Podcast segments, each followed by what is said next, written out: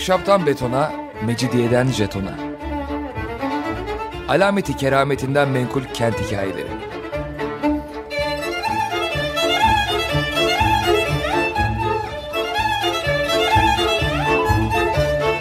Hazırlayan ve sunan Pınar Erkan.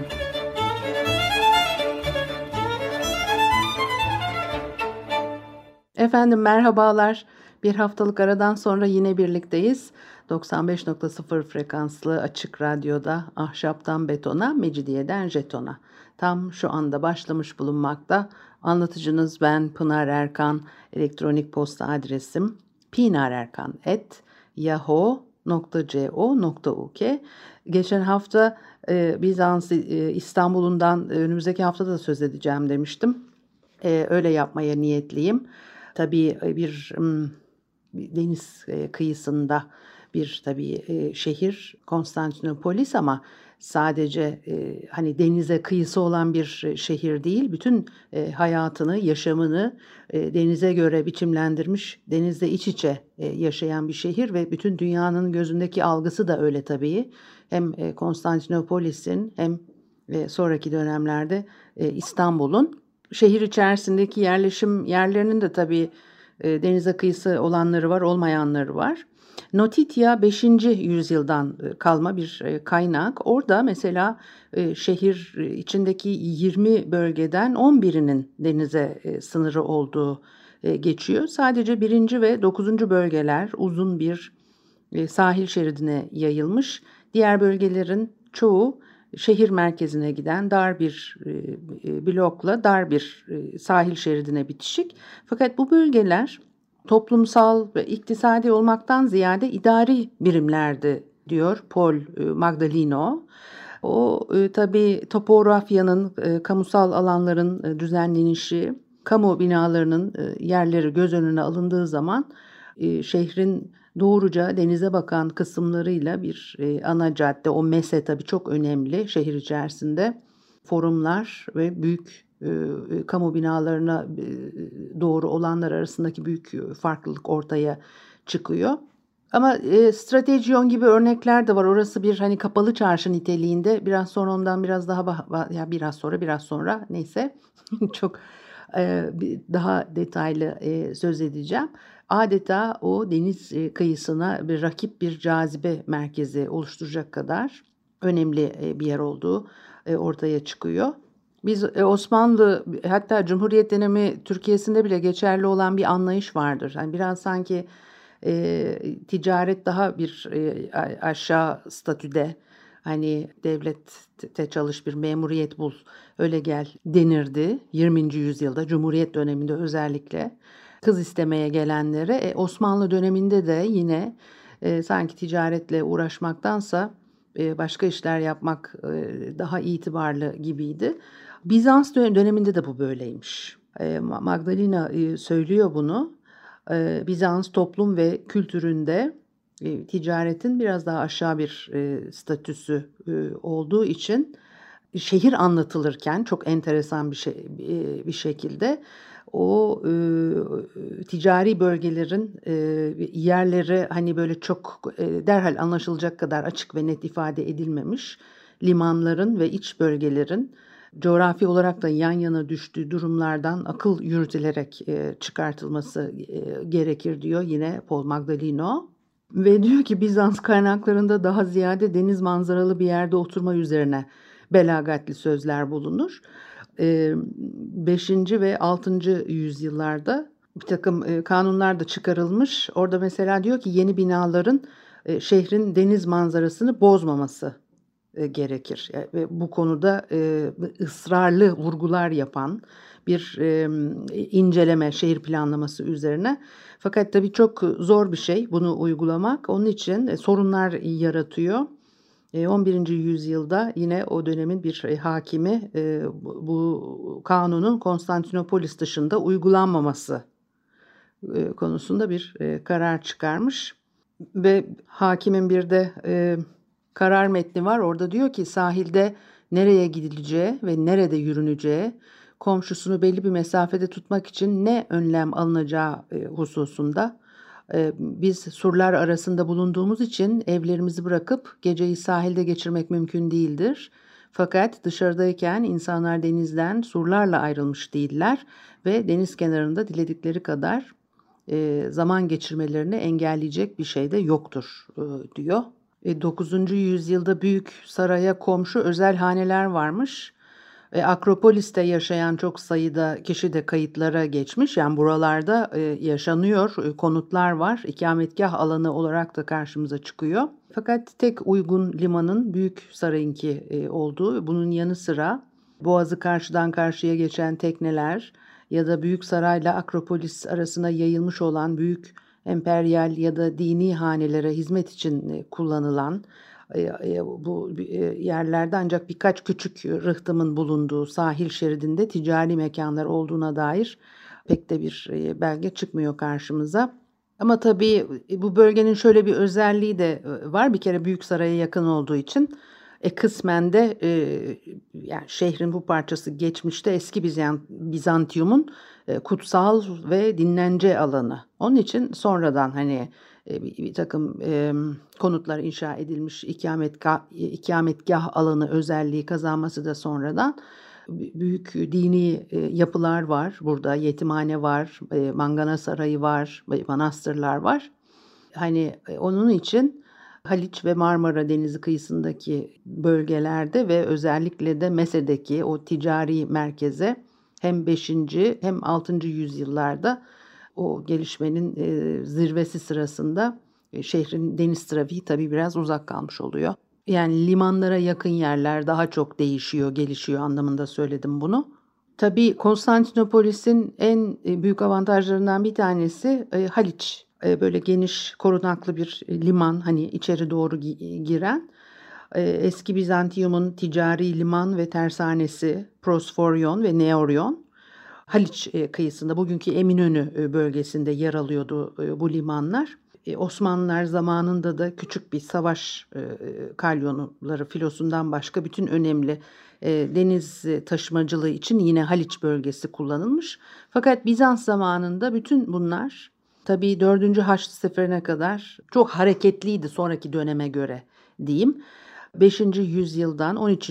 yüzyıla kadar şehrin kuzey ve güney e, sahilleri arasında ticari tesisler e, daha düzenli bir şekilde dağılmış ve yaklaşık 550 senesinden 1050'ye kadar güney sahili daha işlek. Çünkü Julianus ve 1. Theodosius Marmara sahilinde en az Haliç kadar büyük bir kapasiteye sahip iki büyük yapay liman yaptırmış. Yani onlar da hani doğal limanlar değil. Theodosius o limanıyla e, Julianus e, limanı e, o şehrin kuruluşundan sonraki yüzyılda tabii çok hızlı bir nüfus artışı oluyor.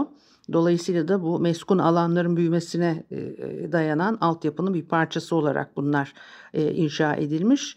Su yolları geliyor tabii şehre aynı zamanda ve ihtiyaçların karşılanması lazım. Yani şehir hiçbir zaman kendi kendine yeten bir şehir e, olamadığı için tabii gıda tedariki içinde o limanlara bir dışarıdan gelecek yiyecekler o limanlarda indirilecek tahıl gibi. Ee, onun için 9. yüzyılda 2. Theodosius e, Notya'da e, Notitya'da e, geçiyor. Şehirde Julianus ve e, Theodosius limanları arasında uzanan iki e, hububat ambarı e, kayda geçilmiş. Mısır ya asıl işte tahıl e, ambarı oradan e, geliyor hububat. E, onların büyük bir kısmı bu limanlarda boşaltılıyor. Notitia, Strategion ve Prosforyon limanının da bir yağ deposunun yanı sıra üçte hububat ambarı barındırdığını söylüyor.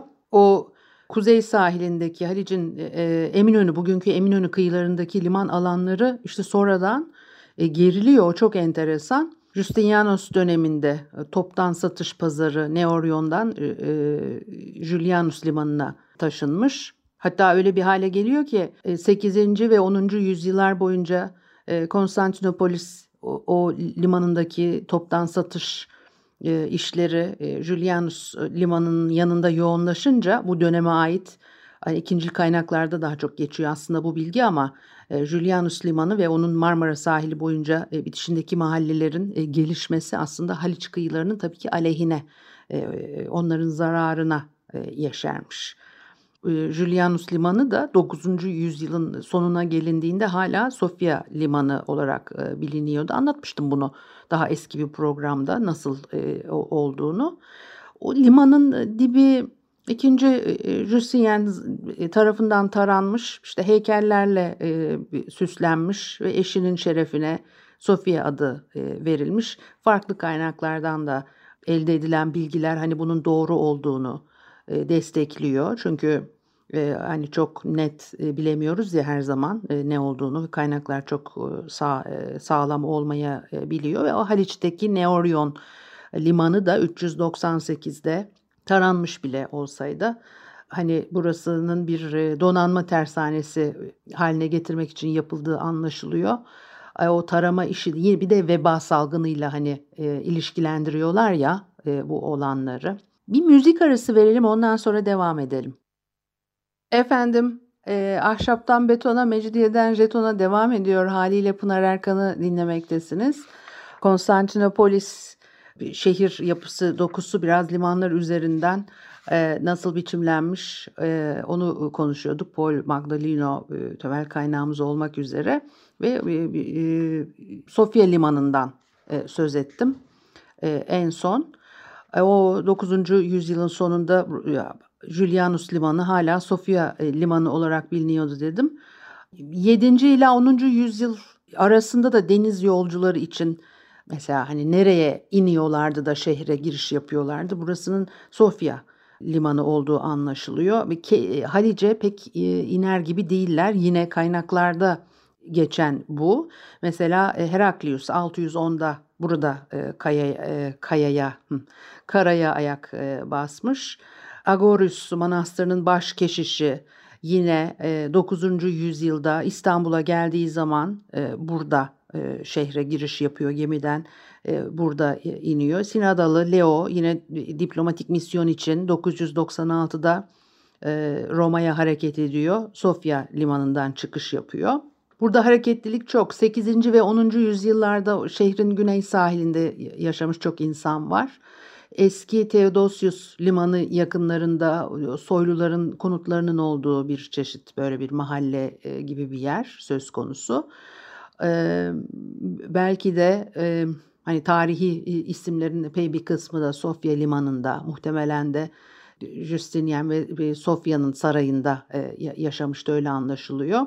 Mesela yine 11. yüzyıl ortalarında imparatorluk sekreteri Nikolas'ın limanla hipodrom arasında pek hoş olmayan bir e, evi olduğu anlatılıyor filan. Bir de o dönemin tabii e, anlatıları içerisinde çok zengin olan üç tacirden e, söz edilir. Onlar da Sofya Limanı yakınlarında yaşıyorlarmış. Demek ki burası e, önemli, hareketli e, bir yer ve şehrin diğer e, yerlerine göre tercih edilen varlıklı kişiler ve e, saray ahalisi tarafından tercih edilen e, bir yer. 4. ile 6. yüzyıllara baktığımız zaman bu sefer hani Haliç civarında iş ve e, isyan, e, iskan faaliyetlerine dair biraz e, belge e, bulmak zor. E, o güney sahilinde özellikle Julianus Limanı içi ve yakınlarındaki gelişme ve hani refaha karşın bu tarafta çok az hani bilgi var. Fakat bir büyük ve küçük baş hayvan pazarı varmış. Bu pazar e, Strategion ve Tauro forumu e, arasında bölünmüş. Bu enteresan bir şey bu. Notitya'da da e, geçiyor mesela. Orada da Macella'dan söz edilir o et pazarı. Bilgiler hani birbirini tutuyor. Bu pazarların ikisi 5. bölgede, ikisi de 8. bölgedeymiş. 5. Konstantin sığır pazarını Prosforion limanı bölgesinden Theodosius formuna taşıtmış. Bir de tabii buralardaki yerleşim alanı için aslında Lodos'un çok e, zorlayıcı olduğu sebeplerden biri olarak e, gösterilir ama bir taraftan da işte Marmara sahiline demirleyen o teknelerin boğazın şiddetli akıntı ve rüzgarlarından hani kaçındığını, ya bu sorun Konstantinopolis'in kuruluşundan öncesine e, dayanan hani bir şey olarak geçiyor. Dolayısıyla da işte o güney sahillerinden gemiler şehir surlarına daha yakın bağlanabilecekleri için e, Halic'in yukarılarına e, belki e, taşındılar. Bir silt doluyormuş buralara. Yani tabii eski bir liman bölgesinin yeniden kullanılmasını tamamen engellemiyor. Ama Marmara sahilini de bu silt dolması kötü etkilemiş. Julianus e, limanının inşa edilmesinden 200 yıl sonra taranmasının hani gerekmesi gibi sonuçlar doğuruyor. Hatta Theodosius limanı tamamen siltle dolmuş. Ama ondan sonra bakıyorsunuz Konstantinopolis'te yani 5. yüzyılda hizmet eden 4 yapay limandan sadece Julianus limanı açık tutulmuş.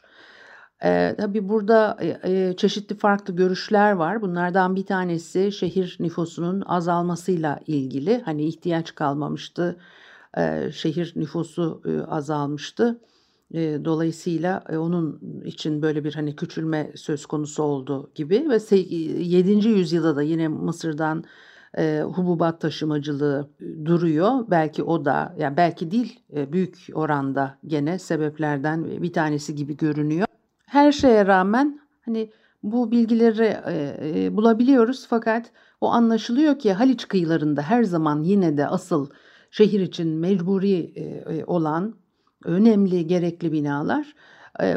Neden buralarda bu tica eski ticaret veya esas ticaret merkezi civarında yoğunlaşmak yerine o güney sahiline doğru kaymanın gerçekleştiği net bir şekilde ortaya konamıyor. E, saraya yakın kişiler Marmara kıyılarında çok sayıda kendilerine saraylar, konutlar, görkemli konutlar yaptırmışlar. Bunu bir parça olsun hani açıklayan e, bir hani metin var. Bir tarafı geniş denize bakar. Diğer tarafı ise geriye limana doğru iki sahil şeridinin kollarıyla kucaklanmıştır liman. Tepede de surlar vardır. Böylece sert rüzgarlara meydan okur ve demire e, demir atılan yerde yumuşatır açık denizi. Denizdeki dalgaları mermer bariyeriyle kırar ve uzak tutar. Dar dirseğiyle geri atar suyu. Kraliyet ailesi burayı severdi. Buradaki mekanlarından izlerdi boğazdaki dalgaları ve iki dünyadan bütün malları taşıyan kıvrımlı gemileri diyor. Sırf hani edebiyat olsun diye yazılmış değil burasının önemini bize anlatan bir şey. Zaten programın başında da söyledik ya kıyıda manzarayı kapatmayacak şekilde yapılar inşa edilmeli diye e, kanun bile e, çıkarmışlar. Ne kadar ciddiye alındığını bu konunun ve o manzaranın tadına varılması meselesinin ne kadar önemli olduğu çok uzun binlerce yıl öncesinden beri anlaşılıyor. Bir de tabii o şehir içerisinde bir hani boşalma veba ölümleri bir hani yıkıcı sarsıcı etki yere yaratıyor. İlk patlak verdiğinde tarih 542 Prokopius da bundan söz ediyor. Efesli Ioannis yine tanıklık ediyorlar. Daha sonraki veba salgınları bu tarihteki kadar büyük etki yaratmıyor. Yine de bir endişe yaratıyor ve önlemler almak için çaba sarf ediyorlar resmi açıklamalar da yapılıyor. Yaygın olan inanç bunun Tanrı'nın gönderdiği bir bela olduğu şeklinde. Tabi dini ve hayır vakıflarına yatırım yapmak için bir yarış başlıyor bunun sonucunda. Öteki dünyaya yatırımda bulunacaklar diye. özellikle Justinianus ve onun arkasından gelenlerin döneminde bu çok belirgin.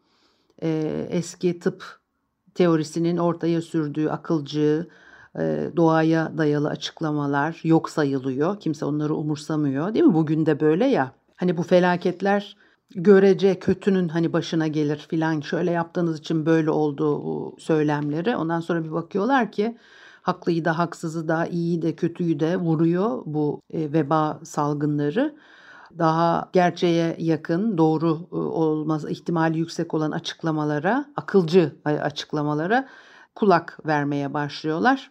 Mesela şöyle bir soru var diyor ki veba nereden çıkar ve belli çöl ülkelerinde neden görünmez de yoğun bir şekilde iskan edilmiş kalabalık ve pis e, şehirlerde görülür. Bu eski kaynaklardan birinde işte bu soruyu sormuşlar. Cevap da şu ölümcül hastalıklar çoğunlukla pis havadan ve tozdan ve ölü bedenlerden yükselen leş kokusundan, yaz yağmurlarından ve karanın denizin solumasından gelir işte o sonradan miyazma olarak açıklanan etkiyi aslında tabii tarif ediyor burada. E zaten işte o veba salgını çıktığı zaman da gene bu Notitya'da geçiyor. E, vebadan önce Konstantinopolis'te e, sıradan meskenlerin en yoğun olduğu, en çok atığın ortaya çıktığı alan Halic'in yanında. Neoryon e, limanının batısında. Dolayısıyla da e, Haliç e, tabii dolayısıyla değil de yani Haliç'te dalgalar ve akıntılarla e, temizlenemiyor.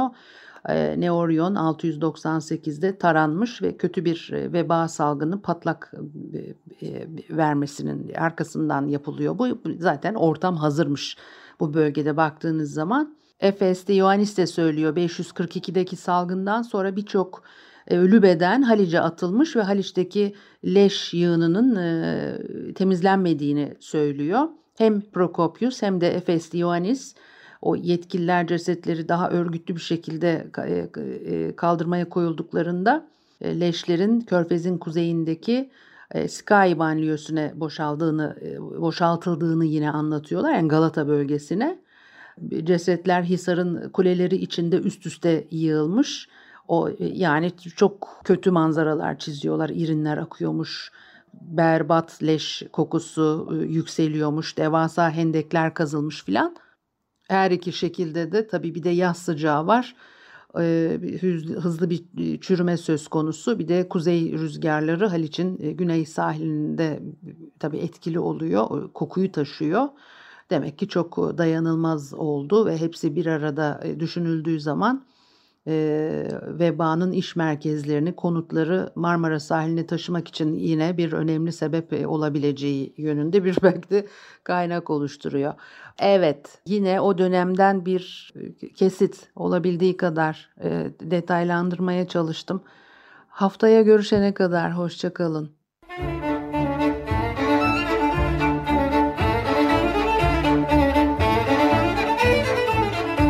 Ahşaptan betona, mecidiyeden jetona. Alameti kerametinden menkul kent hikayeleri.